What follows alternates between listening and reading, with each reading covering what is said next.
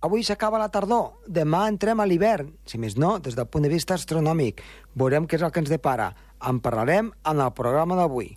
Comença el torn. Doncs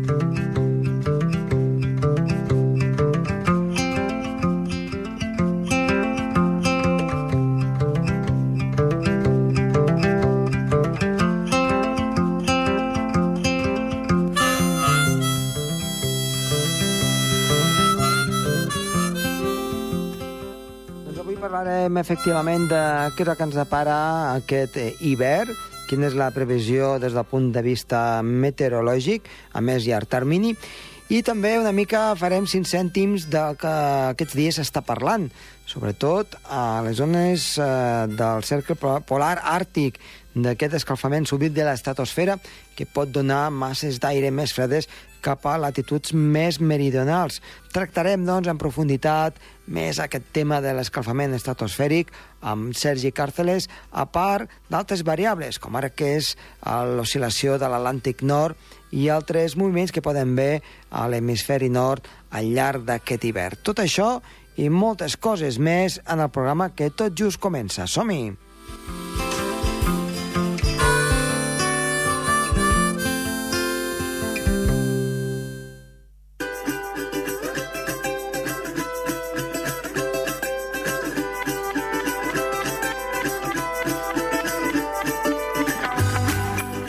Iniciem el programa i anem a parlar amb Gerard Tauler. Gerard, molt bona tarda. Hola, molt bona tarda, Josep Tomàs. Doncs bé, eh, ja estem pràcticament a l'hivern astronòmic i Sí. em sembla que cal pensar una mica, i de fet així ho havíem comentat per aquesta setmana, eh, si més no en línia interior, entre tu i jo, que parlaríem una mica de què és el que ens espera des del punt de vista meteorològic. Què diuen els Sí. mapes a llarg termini? Sí, doncs a llarg termini preveuen que aquest inici d'hivern sigui càlid, al desembre, Uh -huh. el gener sigui més normal i el febrer també, i que serà sec. Però això ho diuen els europeus, perquè els americans diuen que serà càlid. Per tant, podríem dir, el, el model europeu diu que serà sec I i... normal a final i normal. i més càlid al principi, Val. al desembre. Val. I això val per tota Europa? No, val per, per, per, per, per Espanya, per la península ibèrica, per Europa, farà un, un, un desembre fred. Sí. Perquè Ara mateix, vau, els últims dies ha nevat a Romania, que Uh -huh. s'han hagut de suspendre va, va, varis d'això d'avió, Uh -huh. Vols d'avió. vols d'avió, sí. I pel Pirineu? Pel Pirineu, Hm. Com ho tenim? Perquè clar, cara nord, cara sud, estem allí Sí, clar. al límit, no? Al límit. al límit, sí, sí, sí, sí, sí, sí, sí. Perquè quines notícies ens dones? Bones o dolentes? Eh, eh, si és normal, això vol dir que neu n'hi haurà. No, no n'hi haurà gaire, no. No. Perquè ha nevat, hi ha pas de fronts eh, aquest desembre, però són, són fronts que donen nevades a, a cotes altes i fa pocs dies va nevar a 2.400 metres, després va baixar a 1.700 i la quantitat de neu acumulada va ser molt poca. Uh -huh. I de neu fas una previsió més aviat negativa, tant de bo m'equivoqui. Ja. Mira, ja. I escolta'm, eh, Si fes una circulació més aviat sonal la que hi haurà aquest hivern. llavors, tu què creus més, a l'europeu o a l'americà? Cap on et no, decantaries? no, sé, no sé qui creure, no, no tinc massa experiència. Per tu tant, què creus? Tu te'n refiaries més? jo no me'n crec cap. Cap, no? Per això ja, ja, ja, he llegit que hi ha, hi ha persones d'aficionats a la meteorologia que diuen que això, clar, previsions a més de 15 dies, doncs que no, A veure, no són fiables. tendència sí, tendència sí. Pot, podem, podem suposo tenir... que fan estadístiques dels últims hiverns i tenint en compte que Sí. comença el Niño, Eh. normalment en, en hiverns amb el Niño, com el 97-98, doncs no va fer pas fred. Per exemple, el, el febrer de 1998 va ser el més càlid Mm. a Viena de, de, de, de la sèrie històrica. I Sí. a Girona també va ser càlid, va tenir una mitjana de 10 graus. Mhm. Va ser molt sec. El que passa és que, clar, dius, zonals, això és, és una tendència, zonals perquè ens entengui la gent, és el pas de fronts, o, o si passen una mica més amunt, doncs anticiclons a la zona del Pirineu, però també podem, podem tenir zonals una mica més marcats i, i anar nevant. No pot ser massa fred, però anar fent, que també seria Sí, positiu, sí, sí, no? clar, clar, És que clar. per això dic que estem al Clar, límit, Les eh? pertorbacions baixen més al sud. sí, Clar, clar, estem al límit. Només que baixin 200 quilòmetres al sud, ja aquí el Pirineu fa un... Clar, els fronts un són més actius. més sí, actius, eh? I, o, o si no, doncs es queden tots cap al centre de França. Clar, i, i, i també depèn de la part del Pirineu, perquè la part del Pirineu de Girona sempre queda molt a sota vent. I Clar. aquí, la, la quantitat de neu que, que hi ha és molt, molt, molt poc. uh -huh. A l'Andorra neva força més que el Pirineu de Girona, sobretot el Pirineu, la banda del Ripollès. Uh -huh. Doncs Gerard, no sé, a veure, a veure, a veure que... En parlarem a la primavera d'això, a veure, eh, ho Sí. recuperarem i direm, a veure... Ara, ara farem un descans, no?, pel Nadal, per tant vull Sí, sí. desitjar bon Nadal a tots els oients de, de, de, Ràdio Televisió Andorra. Doncs moltíssimes gràcies, Gerard. De res, Vinga, adeu-siau. adeu-siau i bon Nadal. Igualment, adeu-siau.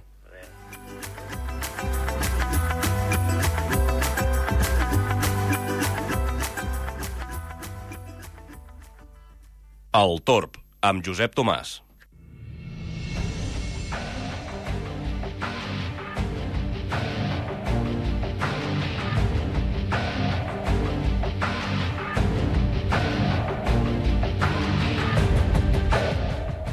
Avui en l'entrevista tenim el nostre company, en Sergi Càrceles. Sergi, molt bona tarda. Molt bona tarda. Uh, avui no farem la secció habitual que tenim amb tu, sinó que farem un tema una miqueta més llarg, uh, desenrotllarem una mica d'aquests canvis que hi ha normalment a, a l'atmosfera a l'hemisferi nord, aquests eh, models més a llarg termini o que ens indiquen de, que pot canviar una mica eh, l'aire fet per l'aire càlid. Una mica anirem en aquesta línia, veritat? Doncs sí, avui parlarem de dues coses. La primera serà de l'escalfament súbdit estratosfèric, uh Mhm. -huh. és un fenomen que passa a l'hivern i ara explicarem què és el que fa. Sí. I també parlarem una mica de la NAO i també de la WEMO, que són dos models eh, bé, atmosfèrics Mhm. que el que ens indiquen és més o menys com es comportarà l'atmosfera els pròxims dies doncs, a un territori bastant extens, com per exemple és Europa. Uh -huh. Doncs vinga. Llavors, doncs mira, primer parlarem de- d'aquest escalfament súbdit estratosfèric, que és un tema que ara s'està parlant una mica més, també perquè ara és hivern i s'està posant doncs, de, de moda això. Què és aquest escalfament? Eh, nosaltres sabem que l'atmosfera té diferents capes, eh, entre elles l'atmosfera, que és on vivim, i després hi ha l'estratosfera, que la capa a sobre de la troposfera, que és la tratos- l'estratosfera, és on està la capa d'ozó, per exemple. Però uh Mhm. -huh. també hem de tenir present que l'estratosfera el, es- la temperatura de l'aire és molt més freda, per exemple, aquí a, a, en superfície. Uh, què passa? Que, bé, en el Pol Nord, a aquestes èpoques de l'any, hi ha com un vòrtex en el Pol Nord que, uh, bé, va girant al redador de tot el Pol Nord i això té a veure amb la circulació general atmosfèrica. I és que nosaltres sabem doncs, que el vent i l'aire doncs, va una mica per on vol, però sempre segueix un ordre, i és que capes altes sempre hi ha com una, com una autopista que normalment, la gran majoria de temps, aquesta autopista sempre va cap a la mateixa direcció.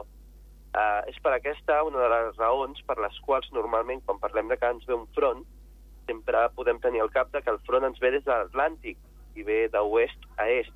És una constant que passa bastant sovint, Sí. excepte, doncs, de, per exemple, alguna gota freda o alguna borrasca que es pot formar al Mediterrani i llavors el front ve de, de l'est. Però bé, com diem, normalment els nostres fronts o els fronts que ens afecten venen d'oest a est a causa doncs, d'aquesta circulació general atmosfèrica. Uh -huh. I aquí, per exemple, a Andorra, doncs això, diem que aquests vents són d'oest a est, però, Sí. per exemple, al Pol Nord el que fa és com una centrifugadora, i és que va girant eh, al voltant del mateix Pol Nord. Què passa?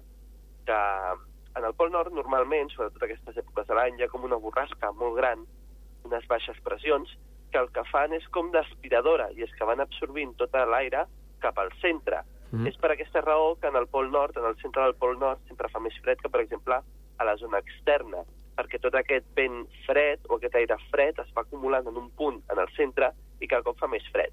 Què passa? Que hi ha vegades que eh, patim el que es diu un escalfament súbdit estratosfèric, i això, sobretot, afecta en el Pol Nord. Què passa quan passa això? Doncs que aquest vòrtex, que normalment està ja donant voltes, es trenca. Es trenca perquè pugen les temperatures a capes altes, sobretot al Pol Nord, i llavors aquest vòrtex es trenca. Al trencar-se, tot aquest aire fred, que és com una nevera, a l'obrir la porta de la nevera, el que passa és que surt el fred. I llavors el que passa és, sobretot ara gener i febrer, fins i tot algun desembre, doncs eh, comencen a aparèixer llengües d'aire fred que baixen del Pol Nord Sí. de l'Àrtic i baixen per centre Europa i fins i tot alguns moments arriba aquí a Andorra o a la península Ibèrica. Són aquestes onades de fred no?, que tenim tan presents que, per exemple, doncs, l'any passat ens va venir una onada d'aire fred i que ens va portar nevades molt abundants durant, durant una època de l'any bastant extensa. Uh -huh. Uh, bé, això doncs, va passant doncs, uh, de forma natural, evidentment, però no només té a causa, o no només es causa aquest trencament pel que seria la circulació general atmosfèrica, també hi ha altres factors, per exemple, els cicles solars tenen una gran importància. Eh, bé, i doncs, també podem estar parlant doncs, d'altres fenòmens atmosfèrics, també a vegades causades una mica per l'home, és a dir, per exemple, la capa d'ozó també tenia una gran importància abans. Ara, com mica en mica, aquesta capa d'ozó ja es va doncs, arreglant o es va tancant, aquest forat, doncs eh, cada cop té menys importància eh, actualment. Uh -huh. Uh, bé, parlem, hem estat parlant d'això, del escalfament súbdit estratosfèric, que, uh, resumidament parlant, és el causant de que a vegades apareixin llengües d'aire fred molt fredes que, bé, afecten uh, durant uns dies, per exemple, aquí a Andorra, i és quan baixen, aquestes, baixen les temperatures de forma molt, a, molt abundant, amb temperatures de sota zero a qualsevol punt del país, nevades molt importants i fins i tot gelades. Bé, això passa mitjanament un cop, dos cops a l'any. Sí. De moment no ha passat Uh -huh. aquesta temporada, així que estem a l'espera de que acabi passant. I després parlarem també, com deies tu, de la, de la nau o de l'oscil·lació de l'Atlàntic Nord, o també de la WEMO, que és l'oscil·lació que hi ha en el Mediterrani. Ah, Déu-n'hi-do. Um, com diem, el planeta Terra està connectat entre ell. Uh, tot el que pot passar en un punt de la Terra pot afectar qualsevol altre punt. Uh -huh. Un clar exemple que tenim és el Niño, no? A vegades quan hi ha el fenomen del Niño, que ens queda justament a l'altra punta del planeta Terra, nosaltres a vegades també ens sentim afectats.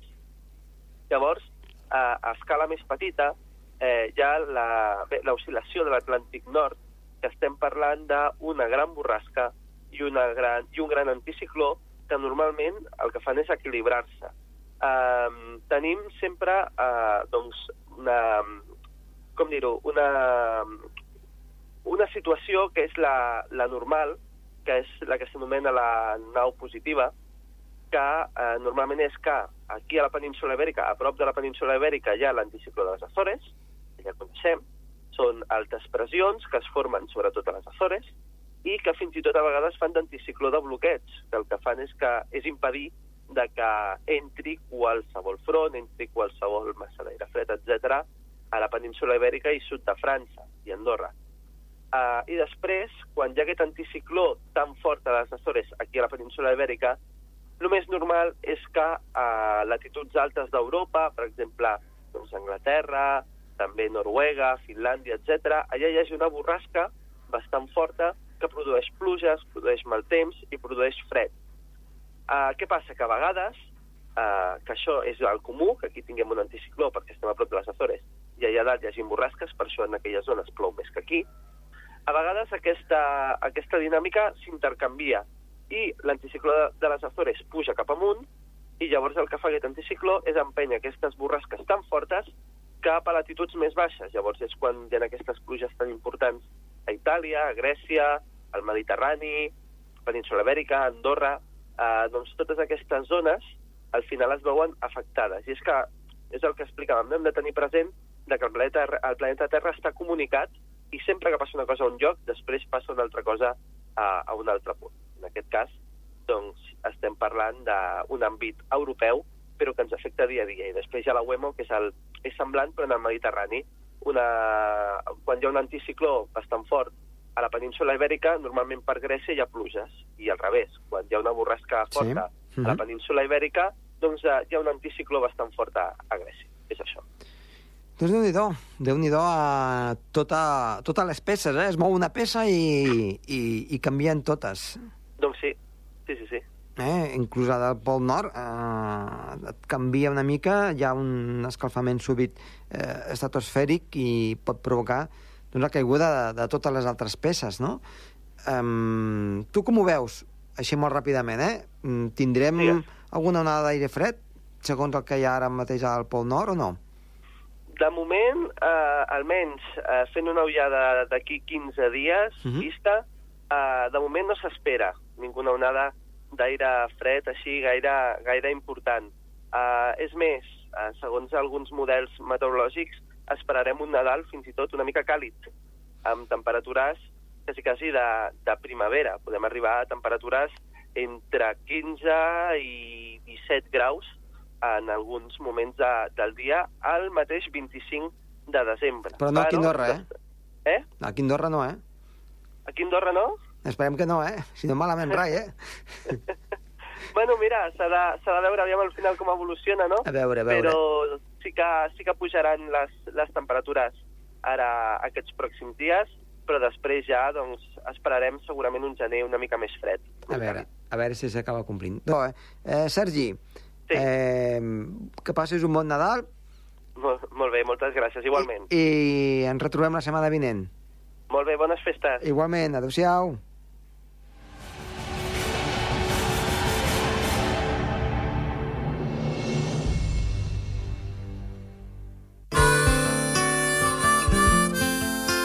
El Torb, amb Josep Tomàs.